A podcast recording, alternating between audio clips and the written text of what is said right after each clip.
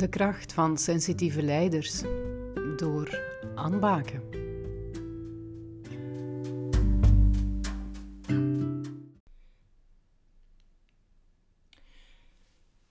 Anne, je hebt een aantal keer al aangeduid dat er een, een groot verschil is tussen de niet bewuste, niet ontwikkelde sensitieve leider, de, die nog in zijn knop zit, mhm. en degene die zichzelf wel heeft ontwikkeld.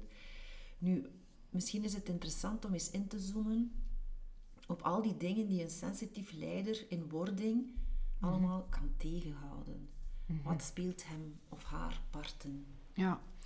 Ja, ik heb dat proberen onderverdelen op basis van wat ik zie bij mij in de praktijk. Als mensen komen waar dat ze mee worstelen, dan zie ik toch vier grote categorieën die altijd terugkomen. Eerste, uh, waar dat zij mee kunnen worstelen of dat in parten kan spelen, is de angst om hun eigen waarheid te volgen. Omdat die waarheid vaak wel afwijkt van wat op dat moment de gevestigde waarheid is. Zij kunnen vaak verder denken of meer aanvoelen dan uh, de gemiddelde mens, waardoor dat ze ook met andere ideeën op de proppen komen. Maar die ideeën, als ze die gaan uiten, worden soms nogal uh, raar bekeken. Mensen gaan dan met hun ogen rollen of fronsen hun wenkbrauwen. En als je dat als kind nogal regelmatig meemaakt, dan begint op den duur te twijfelen aan je eigen oordeel of aan je eigen inzicht. En dan durfde dat ook niet meer volgen. Nochtans hebben we echt mensen nodig die tegen de gevestigde waarden durven ingaan, want het is daardoor dat er zaken gaan kunnen veranderen. We weten allemaal nu dat de manier waarop bedrijven aangestuurd worden, dat dat meestal veel beter kan, of niet de manier is waarop dat zou moeten gebeuren. Maar we brengen er nog te weinig verandering in. We houden nog te veel vast aan wat dat we kennen. En het is juist doordat je iets anders durft doen, dat er een nieuwe, een nieuwe soort van leiderschap kan ontstaan. Het voorbeeldje daar, ehm, in verband met, met vroeger, de, de holocaust, de mensen die de Anne Frank een onderdijkadres hebben gegeven, die hebben gehandeld naar hun eigen waarheid. Dat was een waarheid die dat inging tegen de wet. En wij weten nu dat zij het juiste deden, maar die mensen op dat moment hebben een enorm risico genomen. Zij zijn hun eigen waarheid hebben ze gevolgd, maar ze zijn wel ingegaan tegen wat dat de gevestigde waarde op dat moment was. Dus dat vraagt enorm veel moed. Andere zaken die dat ik tegenkom, ik zal ze misschien eerst eventjes opzommen. Dus je hebt de angst om je eigen waarheid te volgen. Dan heb je ook dat er weinig rolmodellen zijn. Mensen voelen zich ook anders, de sensitieve leiders. En dan heb je nog de imprints, dat is het vierde. Eh, dat zijn zaken die dat je hebt meegemaakt in je kindertijd, die dat ja, effectief een imprint, een afdruk nalaten op jezelf. Weinig rolmodellen. Ja, we hebben niet zoveel sensitieve leiders die op dit moment het voorbeeld geven. Meestal is het zoeken naar een sensitieve leider, of is er gewoon geen in uw organisatie, of toch geen een die dat zich durft laten zien, die dat visibel is. En dat maakt het minder makkelijk, want mensen volgen nu eenmaal het voorbeeld dat ze krijgen van anderen makkelijker op. Nu, gelukkig zijn er in de wereld wel een paar. Ehm, we zien ondertussen de verschuiving bijvoorbeeld van een Donald Trump naar een Joe Biden. Dat is toch een heel ander type leider. Biden is eerder empathisch, integer. Uh, die gaat het niet van de daken schreeuwen ten opzichte van een eerdere extraverte Donald Trump. Ehm, die minder zelfbewust was, denk ik, dan een Joe Biden. Dus daar zien we verschil. En voor mij is ook wel een rolmodel van een sensitieve leider eh, Angela Merkel, die heel mooi het hoofd en het hart combineert. Zij neemt rationele beslissingen, maar ze houdt wel rekening met wat dat de impact daarvan is uh, op de maatschappij, op, op anderen. Ze probeert daarin een evenwicht te volgen hoe meer rolmodellen dat er kunnen ontstaan, hoe meer mensen, hoe meer sensitieve leiders dat aan zichzelf gaan werken en dat rolmodel kunnen zijn, hoe makkelijker het zal zijn voor anderen om daarin te volgen. Dan hebben we een vierde factor die dat moeilijk maakt om die sensitieve kwaliteiten in te zetten en dat is dat je je anders voelt dan anderen we zijn in een, in een minderheid, ehm, dus het is ook logisch dat de manier waarop dat wij naar dingen kijken niet altijd zo gepercipeerd wordt of begrepen wordt door andere mensen. En daardoor kun je het gevoel krijgen dat je een alien bent of dat je niet echt in het plaatje past. Wat dat dan weer niet goed is voor je zelfvertrouwen. Want mensen begrijpen u niet en jij snapt niet dat ze u niet begrijpen. En daardoor komt die in een visieuze cirkel. Dus dat is echt wel iets dat je dient uh, aan te pakken, te herkaderen, waardoor dat je zelfvertrouwen ook weer kan groeien, waardoor dat je wel hetgeen dat je vanuit je innerlijke wijsheid binnenkrijgt, durft gaan volgen.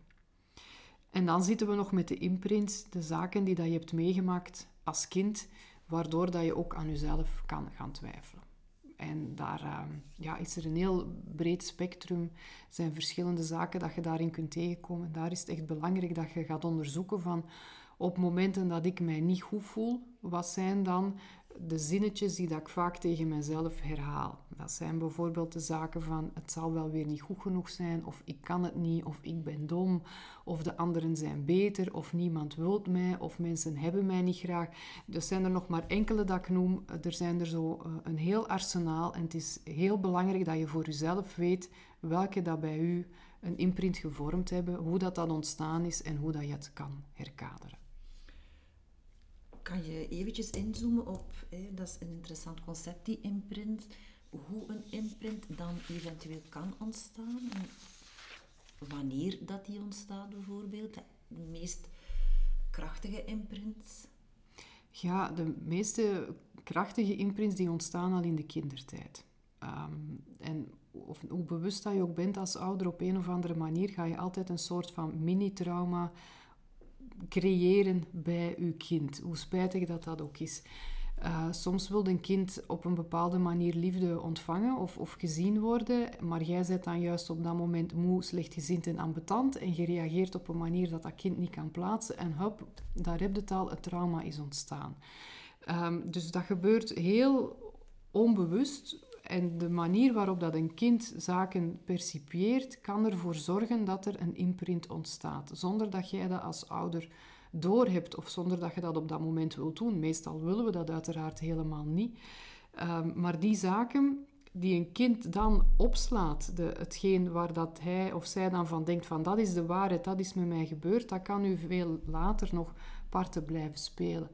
Als ik daar een voorbeeldje van geef, uh, van wat had ik recent in mijn praktijk, uh, waar dat we nog rond gewerkt hebben, dat was een, een dame, een oudste dochter van een, redelijk groot gezin, die vanaf dat ze kind was zichzelf had aangeleerd, dat was zelfs niet uh, gevraagd door haar ouders, om zichzelf altijd op de achtergrond te plaatsen. Dat gebeurt vaak bij de oudste dochters, die gaan dan zorgen voor de rest van het gezin. Um, en zij had geleerd om niet voor haar eigen emoties of haar eigen gevoelens, om die niet te veel in de picture te stellen, want het was belangrijk dat haar moeder de aandacht kon geven aan de andere kinderen. Zij ging wel mee zorgen voor de anderen. Dus vanuit een goede intentie. Maar dat speelde haar nu nog parten. Zij is nu lid van de directie, maar haar CEO, en daarom kwam ze ook bij mij in uh, coaching, gaf aan dat ze veel te weinig haar stem liet horen. En dat de andere directieleden eigenlijk veel te weinig wisten wat dat er speelde. Uh, want zij was HR-director uh, in de organisatie, wat dat de bezorgdheden van de mensen waren, want dat ze daar te weinig over vertelde. Maar ook daar had zij nog altijd te kampen met haar imprint van ik ga niet mijn verhaal hier vertellen, want finance of sales of weet ik veel wat is veel belangrijker. Dus ik ga mij hier ook op de achtergrond houden. Wat dan natuurlijk niet goed was voor de organisatie, want daardoor wisten ze niet wat voor spanningen dat er zaten of hoe dat ze daar iets aan konden doen. Dus het is heel belangrijk om eh, te weten te komen wat dat uw imprints zijn en daarmee aan de slag te gaan, zodat u u niet verhinderen om juist... Want zij ving heel veel op, zij wist heel goed wat dat er speelde in de organisatie, maar ze bracht het niet vanuit haar oude imprint. Ik ben niet belangrijk genoeg, ik moet aan de anderen de voorrang geven, ik zet mij op de achtergrond. En is het dan voldoende op het moment dat die potentiële sensitieve leider zich daar bewust van wordt, kan het hij, dan, hij of zij dan ook neerzetten? Of zijn er nog andere stappen voor nodig?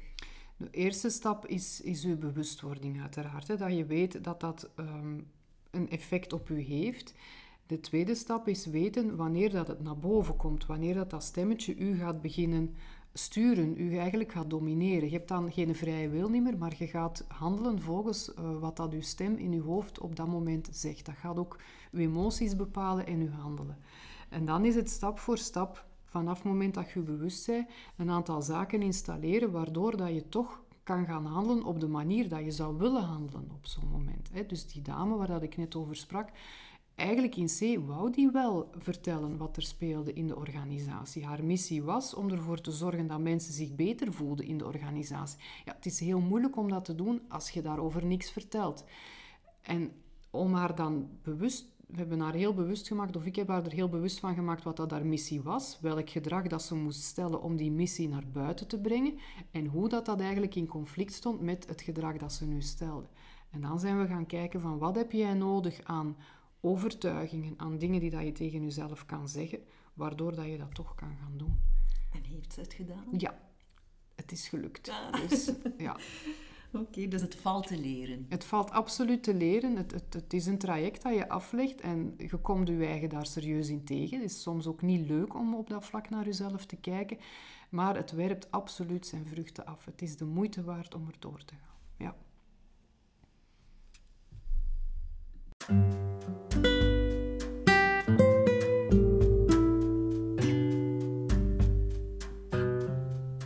De kracht van sensitieve leiders door Anne Baken.